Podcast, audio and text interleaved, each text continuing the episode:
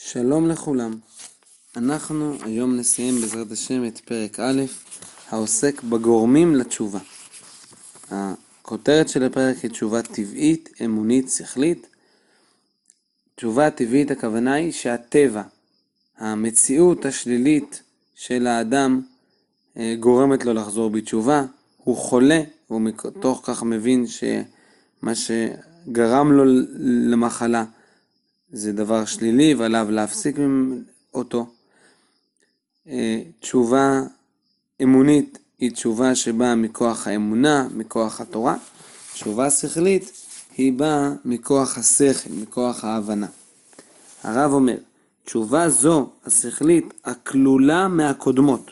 כלומר, שיש בה, כמובן, כשיש, התשובה באה מתוך הבנה השכלית, יש בה גם הבנה של, יש כאן בעיות במציאות שצריכות להיפתר, בוודאי זה גם קשור לתורה, כשאדם, אה, לצורך העניין, אדם חילל שבת, ועכשיו אדם אה, חוזר בתשובה, הוא מבין כמה חילול השבת פגע בו, יכול להיות אפילו שפגע בבריאותו, אבל גם אם לא, הוא, אה, הוא חש איסורי מצפון על כך.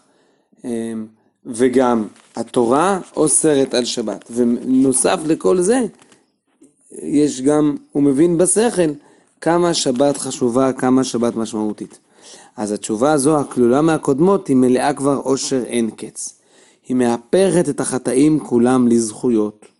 מכל השגיאות היא מוציאה לימודים נשגבים, ומכל ההשפלות עליות נהדרות. המושגים של טבעית, אמ, אמונית ושכלית הם מושגים שהרב חידש אותם. אבל כאן, במילים האלה, הרב מתחבר למושג עתיק של תשובה מאהבה. ככה הגמרא אומרת, שתשובה מאהבה זדונות נהפכים לזכויות. הרב מחבר את המושג תשובה מאהבה למושג תשובה שכלית.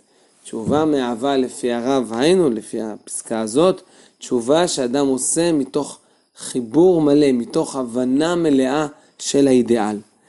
וכיוון שכך, היא מהפכת את החטאים לזכויות. מדוע? משום שכאשר האדם פועל מתוך הבנה, מתוך חיבור, אז גם הוא רואה באור אחר את החטא. החטא בעצם ביטא את חוסר החיבור, את חוסר ההבנה. ועכשיו, דווקא על ידי החטא, או חלק, מהדרך, חלק מהתהליך של החזרה בתשובה, הוא מבין יותר. אם נחזור לדוגמה של אה, חילול שבת.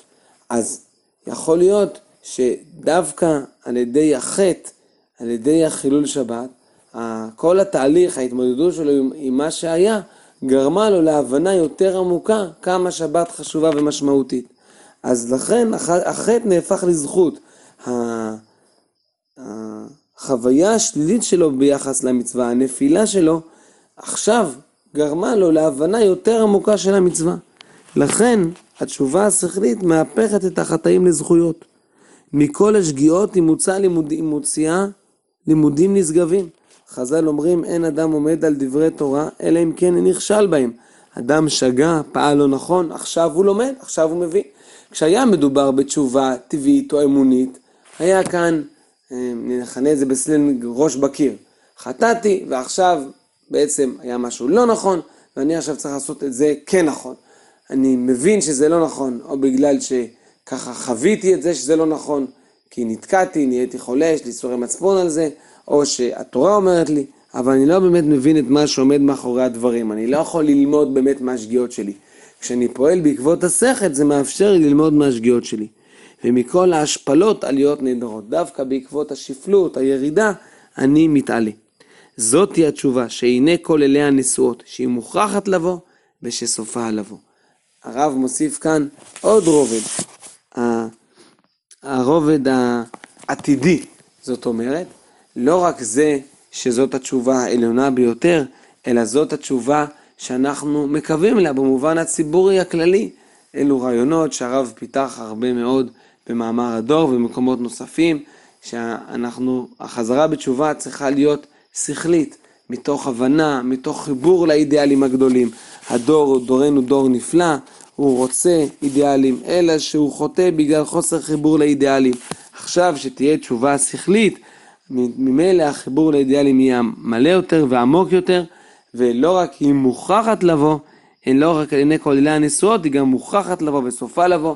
בסופו של דבר זה חייב להיות, לשם אנחנו צועדים לחיבור המלא לאידיאלים, שהדברים לא יהיו רק בתור הציווי התורני חיצוני, באופן חיצוני לנו, אלא אנחנו נזדהה איתם בצורה מלאה ושלמה, ואנחנו בעצם מתחברים כאן לחזון שהרמב"ם מציב בסוף ספר היד, אה, ולא תהיה, לא יהיה עסק כל העולם אלא לדעת את השם, ומלא הארץ דעה את השם, התשובה השכלית כמים לים מכסים, בעזרת השם במהרה בימינו.